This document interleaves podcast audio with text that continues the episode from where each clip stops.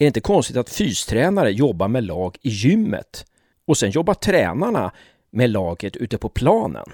Det kan enligt Johanna Bergman, som är gäst i Taktikpodden 81, det kan leda till stor överbelastning. Nej, Johanna menar att det är mycket bättre att fystränarna jobbar intimt med tränarna och lär sig vad fotboll går ut på. Först då kan fysträningen bli anpassad efter idrotten. Först då minimerar vi risken att idrottare blir snedbelastade, skadade, utbrända, utslitna. Först då kan fystränaren stötta det som händer på planen. Om det här pratar vi i det här avsnittet av Taktikpodden. Johanna Bergman var ju fys och rehabansvarig i Rosengård där de tog sina fem SM-guld. Hon har en magisterexamen i idrottsmedicin och hon har jobbat individuellt med SHL-spelare, KHL-spelare och OS-idrottare. Hon har mycket intressant att komma med. I nästa veckas avsnitt pratar vi engelska och då pratar vi med Statsbombs videoanalytiker och taktiska analytiker Carl Carpenter. Men nu Johanna Bergman. Trevlig lyssning!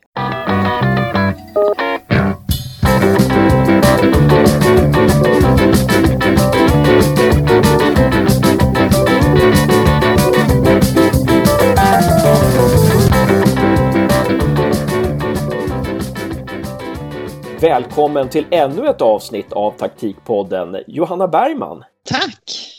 Fem SM-guld med FC Rosengård. Bara det alltså, det är ju fantastiskt. Och ni som vill höra en fullständigare presentation av Johanna, ni får lyssna om på förra veckans avsnitt där vi fokuserade väldigt mycket på nysatsningen Den andra vägen och motivationsvalet som den här nya fotbollssatsningen på Ekbackeskolan i Osby. Men nu ska vi fortsätta. Vi ska prata lite mer nu om elitfotbollen i Sverige och fystränarrollen idag. Låter det som ett bra tema, Johanna? Eller? Men det tycker jag. I förra avsnittet så sa du flera gånger där att målet är att sätta fotbollen först. Vi pratade lite om hur ni satte fotbollen först på, på skolan där i Osby. Några andra innebörder av det ordet eh, som du tycker att vi borde liksom hålla levande i fotbollssverige? Min bakgrund kommer ju från det idrottsmedicinska och just fystränardelen. Och den resan började ju för en tio år sedan när jag var nyutexaminerad och hamnade i fotbollsmiljö och eh, man kommer in med, ett, med, sin profession. Och man kommer oftast in med sin profession och tycker att man kan, eh, man kan rädda fotbollsvärlden liksom, i att eh, bara man gör detta eller detta så, så håller vi skadorna borta. Men eh, resan som jag fått gjort och erfarenheten är ju att ju mer jag fick lära mig alltså just fotboll och börja förstå fotbollens språk och utgå ifrån fotbollen, desto mer kunde jag ju faktiskt ge till laget än om jag höll mig kvar i, i min lilla rehabbubbla med fysiologiska termer och uh, allting. När vi började prata samma språk och jag fick börja omsätta att, men vad är verkligen 11 mot 11? Vad är 3 mot 3 i min värld och hur kan vi börja ha samma språk? Så får vi faktiskt ett eh, ännu bättre tränarteam och en ännu mer skadeförebyggande miljö. Mm. Vi pratar ofta att skadeförebyggande handlar om övningar och, och val, men ofta så börjar det på ett plan högre upp, det vill säga i organisationen och vilket språk vi använder. Det där är ju jättespännande alltså, och det här är någonting som jag aldrig har reflekterat över. Hur gjorde du då rent praktiskt när du var i Rosengård för att på något vis eh, komma in i det språket. Var det det det handlade om? Att du skulle komma in i det språket, eller hur? Mm. Jag hade bra människor runt omkring mig som tvingade mig att höja ribban och, och börja lära mig mer om fotboll.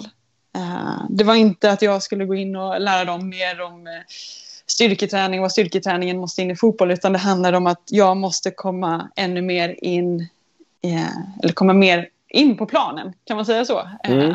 Ja. Vi medicin, medicinska har ibland en angelägenhet om att vi kanske hamnar i rehabrummet. Och vi, eh, ibland kommer man efter träning eller före träning och sen är man aldrig med kanske ute på själva planen och står och lyssnar till vad, vad säger tränarna? Och när, de står, när de gör sin eh, planering för hela året och att vara med på de taktiska genomgångarna för att faktiskt börja få en större förståelse utav ja, men hur, hur ser den här träningsmiljön ut? Och sedan omsätta det till, till sitt språk och börja säga, men vad kan jag fylla i Och hur kan jag bli ett redskap för huvudtränaren till att faktiskt skapa en bättre veckoplanering. När du då lärde dig det här språket, när du var med ut på plan, vilka insikter gjorde du där då som du inte hade gjort innan? Och nu ska man inte svära i podden liknande, men eh, helskotta var jag överbelastad mina spelare. Okej, okay. Okay.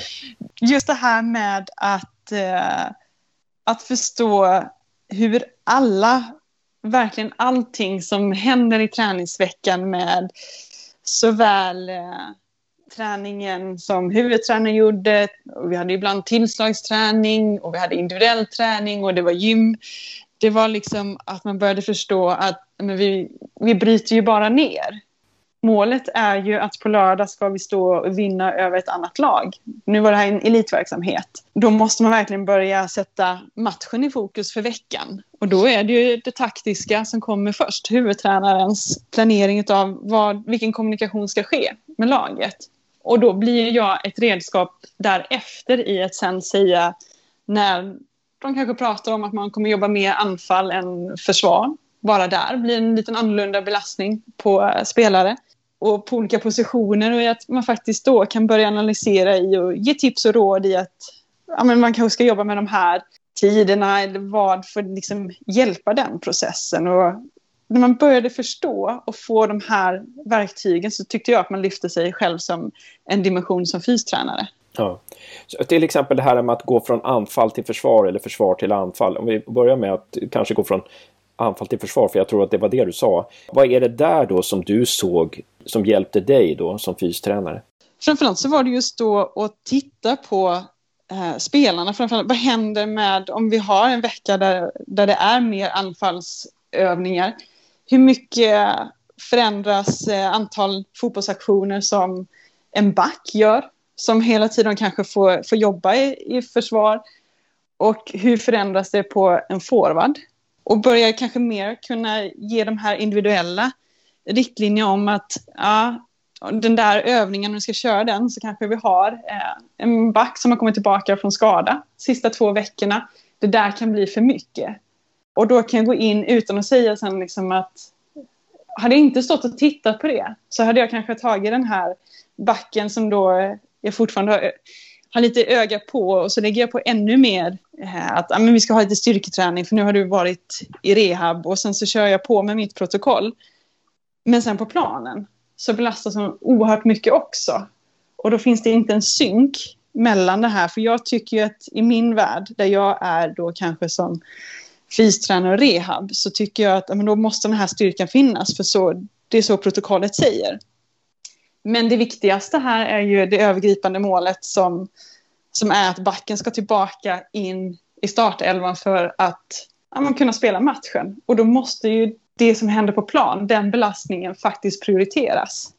Och det går ju ibland lite emot kanske vad man, vad man upplever eh, som rehabpersonal eller fystränare. Liksom, för man vet att vi behöver eh, kanske styrketräningen och allt de här bitarna. Men det är ju faktiskt styrketräning det de gör på planen också. Ja, just det. Och då att sätta fotbollen först blir liksom att titta på hur mycket kommunikation med sina lagkamrater och eh, spel kan vi, kan vi ge till den här spelaren och sen vad, vad finns utrymme kvar att komplettera.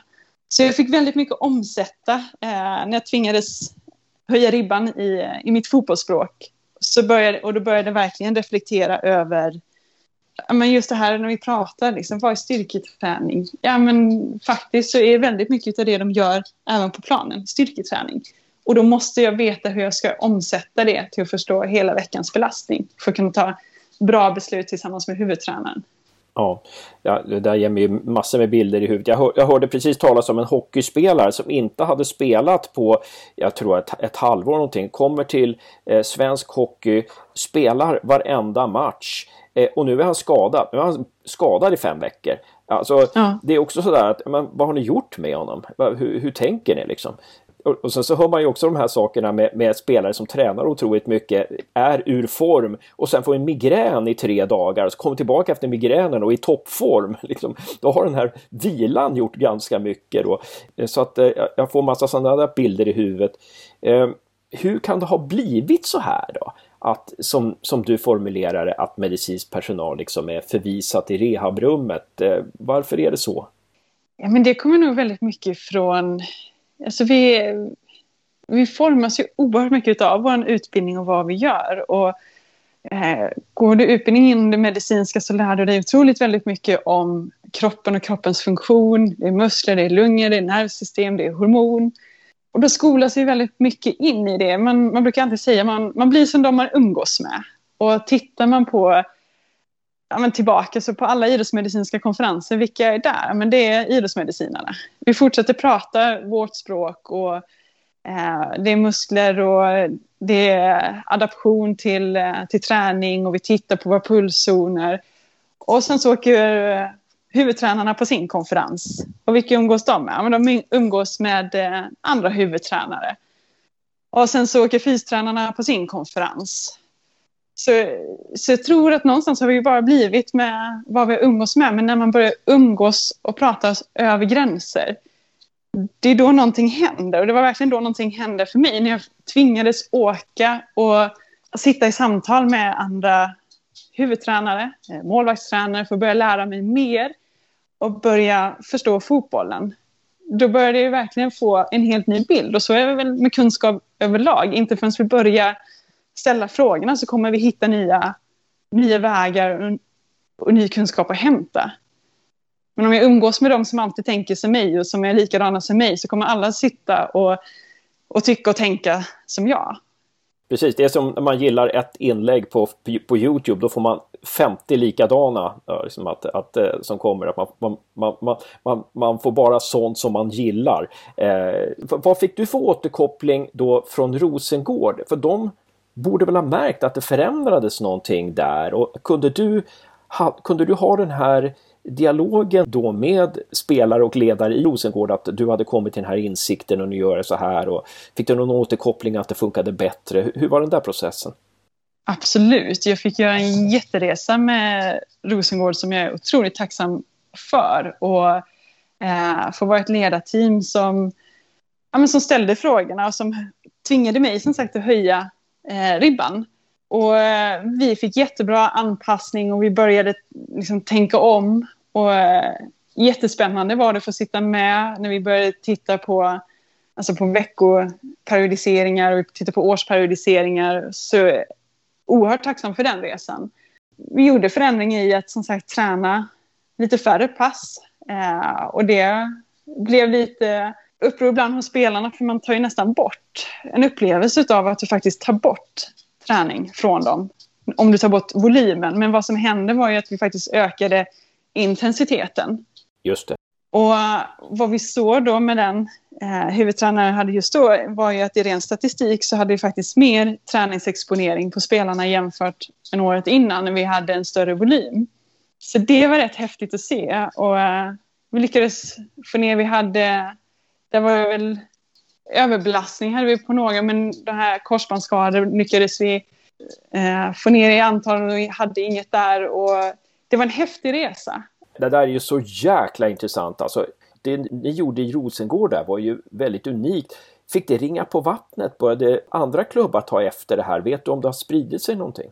Ja, alltså jag vågar inte säga om det var just där då, men det finns ju oerhört drivet idag. Jag tycker det är jättehäftigt att se hur Johan Svensson, eh, som nu är på Svenska fotbollsförbundet, driver just den här frågan genom att man, man faktiskt nu har ett lägsta krav på en Uefa B fotbollsutbildning för den som ska läsa eh, fystränarutbildningen eh, inom fotbollen. Så man ser ju hur, hur det här börjar växa fram. Att man liksom, det måste ju börja någonstans att man ställer krav på att ja, men det här behövs.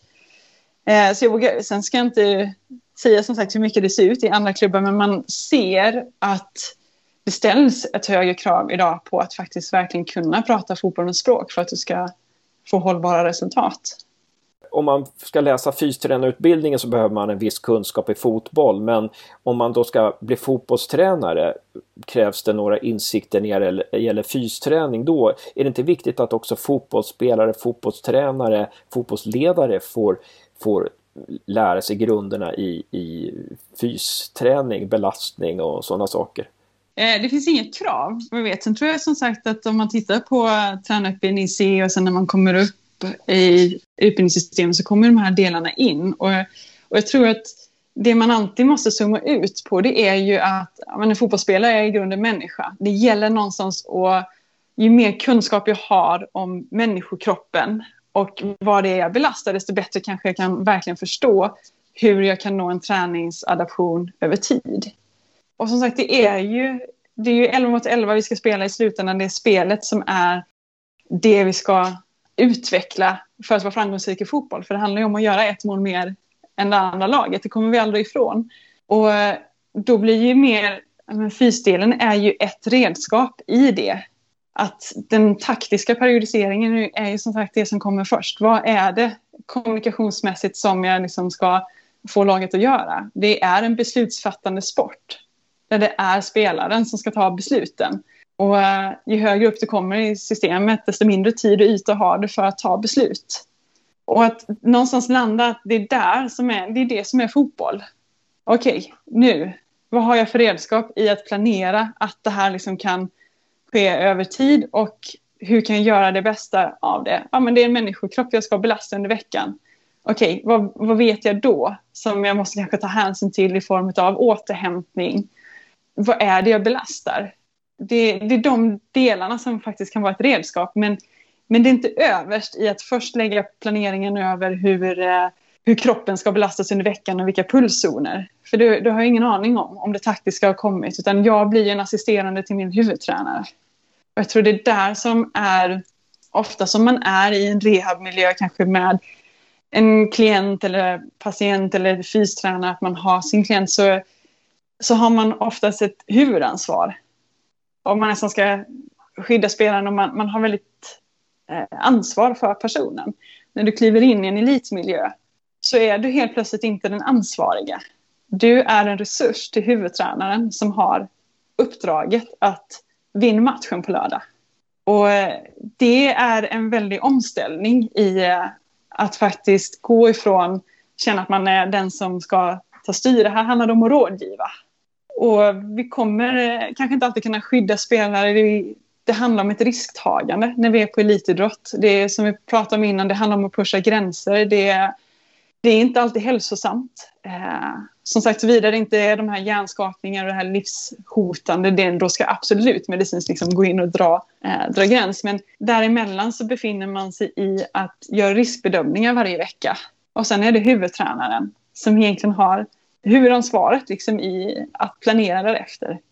Så att fystränaren bör vara en del av ledarteamet helt enkelt och bör vara lite, lika inkluderad som assisterande tränaren och eh, eh, videoanalytikern och så vidare i, i lagets förehavanden. Absolut. Det är rätt ofta ibland som man, eh, och det här har man själv varit i situationer om att man jobbar så nära spelarna. Och helt plötsligt så blir man nästan kanske lite förbundis med spelarna. För du kommer väldigt nära in på dem och sen så pratar man om beslut och eh, vad man borde göra träning, si eller så. Fast egentligen så är ju den som du verkligen ska vara otroligt nära, det är huvudtränaren. För att det du vill verkligen eh, kunna påverka, det är ju den stora bilden utav vad laget håller på med och kunna ge individuella anpassningar där fotbollen kommer först. Mm. Sen kan det vara delar när man märker att det kanske är saker och ting som eh, brister på i fotbollen, i fotbollsaktionerna där man kan titta på och analysera igenom. Kanske den då som huvudtränare eller assisterande som tittar på men beslutsfattningen här. Är det beslutsfattningen som faktiskt är fel? Förstår spelaren eh, att den kanske var i fel position eller vilket beslut den tog? Och då får man jobba igenom innan man kommer ner till att kanske förstå att men här är det liksom spelaren förstår vad den ska göra, den tar rätt beslut, men vid utförandet så sker det eh, för långsamt. Det behövs jobbas på det som då vi kanske inom fysträningen kallar för speed. Ja, men då kanske man behöver gå och jobba isolerat med det. Men man börjar alltid från fotbollen. Just det.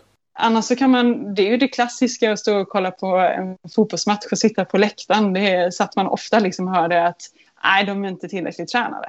För det är det lättaste att se. Allt annat krävs otroligt mycket kunskap i att se, är det faktiskt det fotbollstaktiska, är det det tekniska? För allt det där händer i en och samma aktion. Men ögat är så tränat i att se huruvida någon verkar inte hinna fram till bollen innan och då säger vi att de inte är tränade.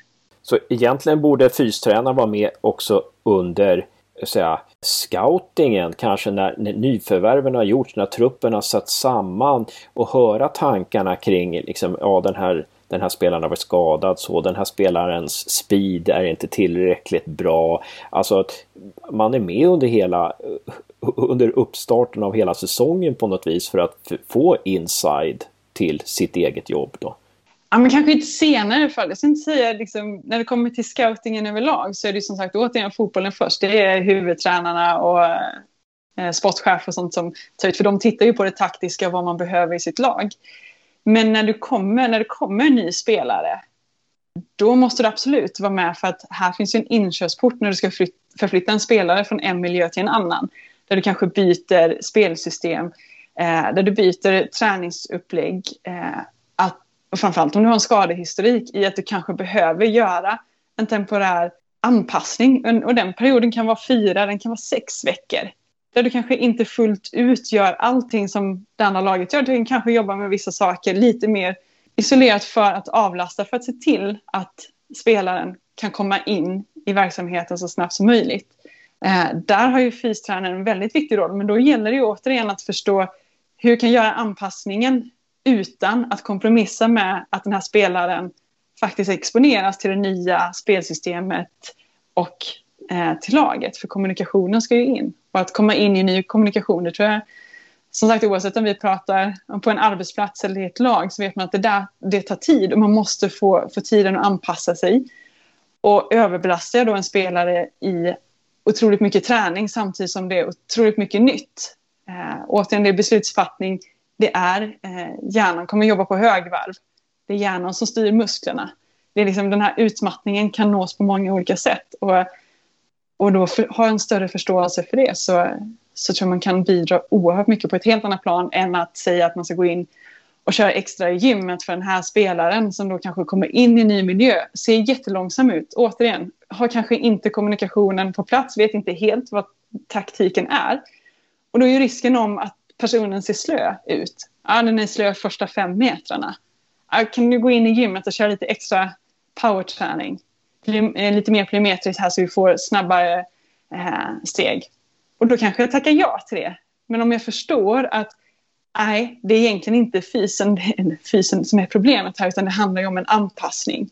En fystränare bör ju också vara ganska intresserad av dagen efter match, hur tränar laget då? Där bör det ju väl finnas en kommunikation. Hur tränar man dagen efter match och sådär? Hur tränar man om det är matchtätt, om det är tre matcher en vecka till exempel?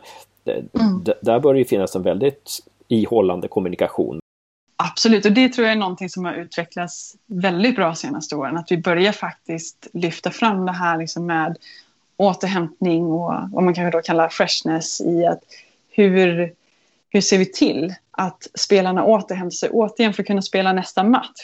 Eh, det är alltid, och nu pratar jag elitverksamhet, liksom, att det är alltid nästa match som egentligen styr vad vi gör och hur vi då lägger kanske vilan.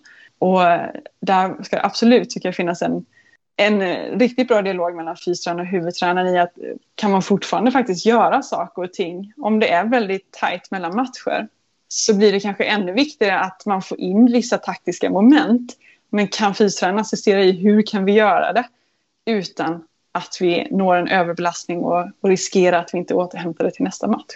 Jo, men jag tyckte det var intressant också det, när du pratade om Rosengård och du sa helskotta vad jag överbelastade mina spelare innan du fick den här insikten, innan du liksom eh, lärde dig mer om fotboll och så. Kan du ge några exempel på hur du överbelastade spelare och hur du tänkte då, när du jobbade fel så att säga? Men då kom jag ju från en värld där jag hade närmat mig det som man inom träningsvärlden kallar för periodisering. Eh, det vill säga hur, hur planerar jag träning över tid för att få resultat? Och då kom jag ju ifrån lite mer gym fitness-världen. Hur man planerar för att få en styrkeutveckling. Eh, vilka faser finns det genom eh, hypertrofiträning, maxstyrka? När liksom, hur planerar jag detta för att få en styrkeutveckling? Så jag var ju väldigt mycket inne i den periodiseringen. Så när jag satt och eh, jobbade individuellt med spelarna det var jätteambitiöst. Liksom man höll på med individuella program, styrkeprogram och liksom allting. Så insåg inte jag att jag höll på just nu med ett sidospår. Jag höll på med en periodisering. Men de, de, samma kropp ska ut på fotbollsplanen och huvudtränaren har ju sin veckoperiodisering. Så vi satt ju i två världar. Och det är ju det här, det är ju där som är liksom den här ackumulativa effekten utav att men, jag gjorde en sak som i min värld liksom, var ju liksom rätt. För så här är byggblocken i periodiseringen i gymvärlden. Då måste jag ha de här stegen här. Men tänkte väl inte fullt ut liksom just på hur, hur är periodiseringen i fotbollen. Om det är mycket 11 mot 11 spel, som sagt en vecka, eller om det är mycket smålagsspel en vecka och sen så går jag in i gymmet och gör någonting, att de där måste mötas. Och då blir det en rejäl överbelastning på spelare alltså märktes det också på truppen att det, att det var många spelare som var överbelastade och hur märktes det i så fall? Och det blir ju lite den här småkänningarna liksom som man, ja men det drar lite i baksidan, det drar i ryggen. Det är liksom det här när man inte alltid kan sätta ordet på. Uh, småkänningarna, ja, det känns liksom. Jag skulle säga att mycket där.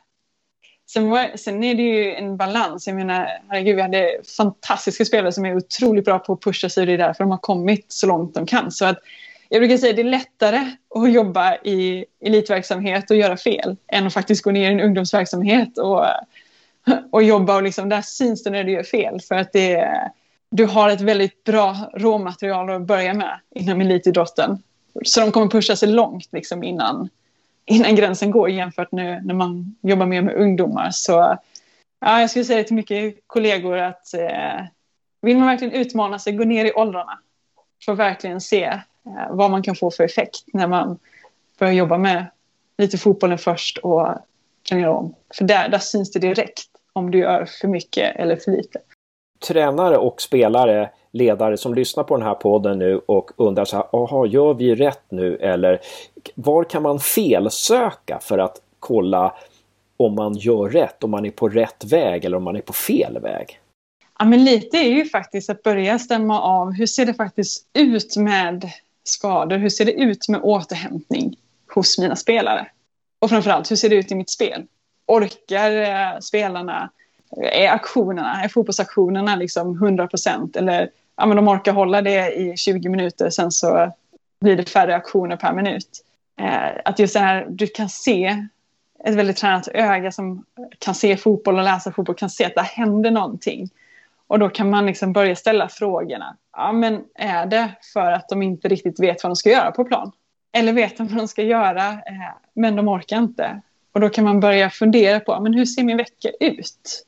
Har jag faktiskt en tanke med mina träningspass. Oftast är det, ja, men ibland bokar vi, nu vågar inte jag säga målgruppen här på podden, men om man, är, om man kanske inte är på högsta nivån utan man är lite lägre så finns det en stor risk att vi om vi börjar boka plantider och eh, sätter den här standarden när vi tränar en och en halv timme och så gör man det varje gång. Att börja kanske ställa frågorna till sig själv. Att, amen, vad är det jag vill få ut? Vad är det jag vill se när vi är på matchen? Ja, och sen börja backa bandet. Amen, hur ser min vecka ut för att jag faktiskt kanske ska nå dit?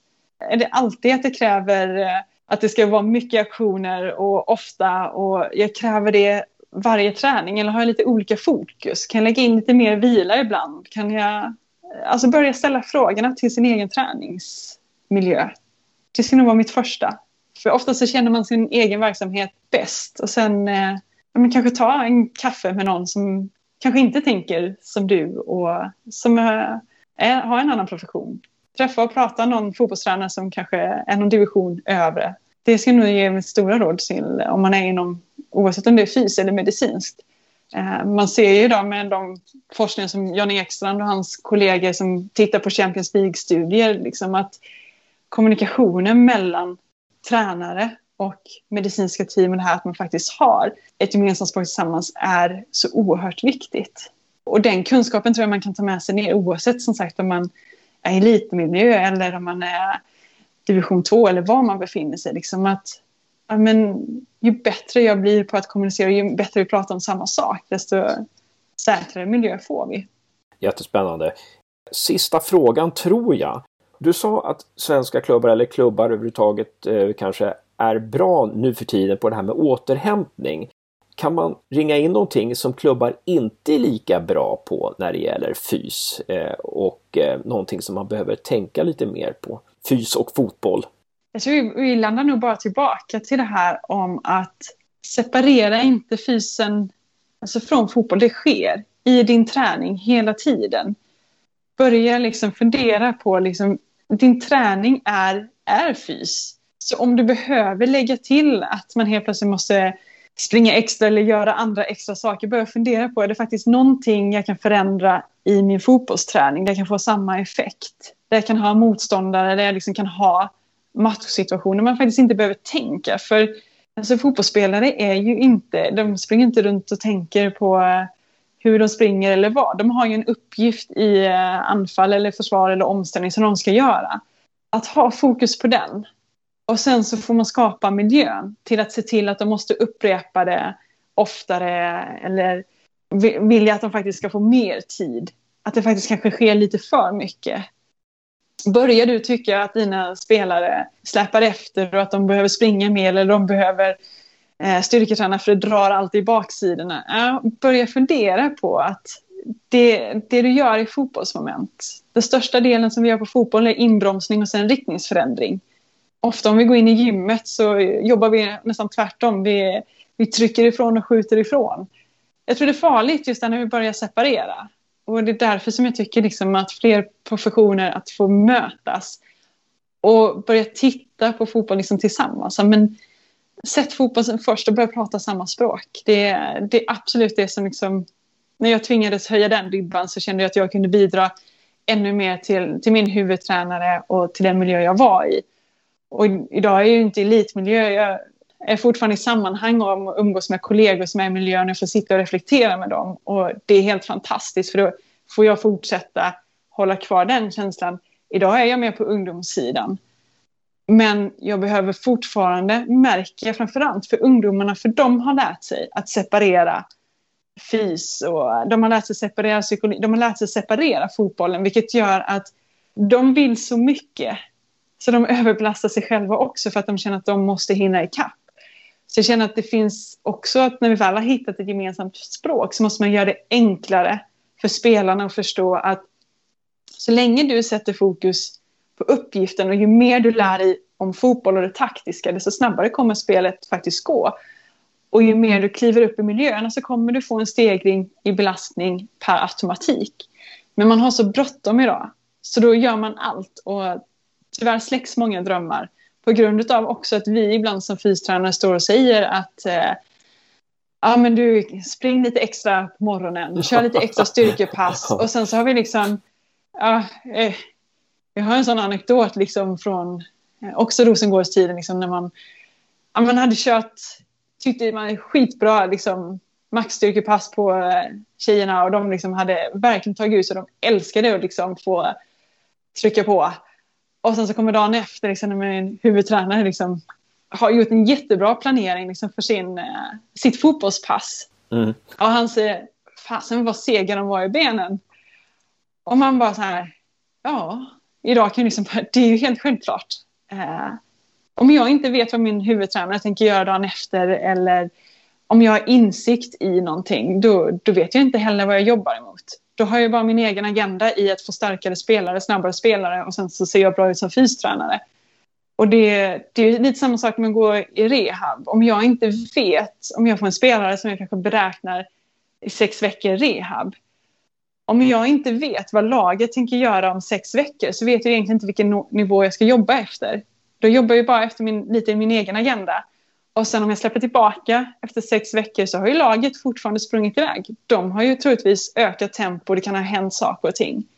Och att det är sån här, hur, hur tidigt måste jag faktiskt kanske börja släppa in vissa moment i fotboll? Om det är så bara uppvärmning och passningsövning och vara med i visst taktiskt spel.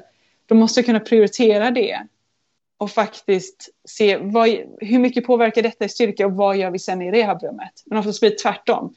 Vi kör slut i rehabrummet först och sen så kommer de ut till fotbollen. Och då har de kanske varit iväg i flera veckor och då blir det en stor skaderisk. Så det gäller att vara riktigt tajt polare med sin huvudtränare och ställa frågorna till huvudtränaren och vara med på taktisk genomgång. lyssna in, ställa frågor och ja, men, vara lite dum. Man sitter ju ändå så på bänken väldigt mycket och tittar. Liksom. Då kan man titta på annat än huruvida vi gör mål eller om det var eh, ett snyggt passningsspel. Jag lärde mig jättemycket av det här, Johanna Bergman. Tack härligt. så väldigt mycket för att du ställde upp två veckor i rad till och med i Taktikpodden. Stort lycka till i framtiden med allting. Vi ska följa dig och dina förehavanden. Jag är otroligt tacksam att ha fått vara med och få dela erfarenheter och jag hoppas det blir återigen lite frågor efteråt som gör att vi kan ta nya steg.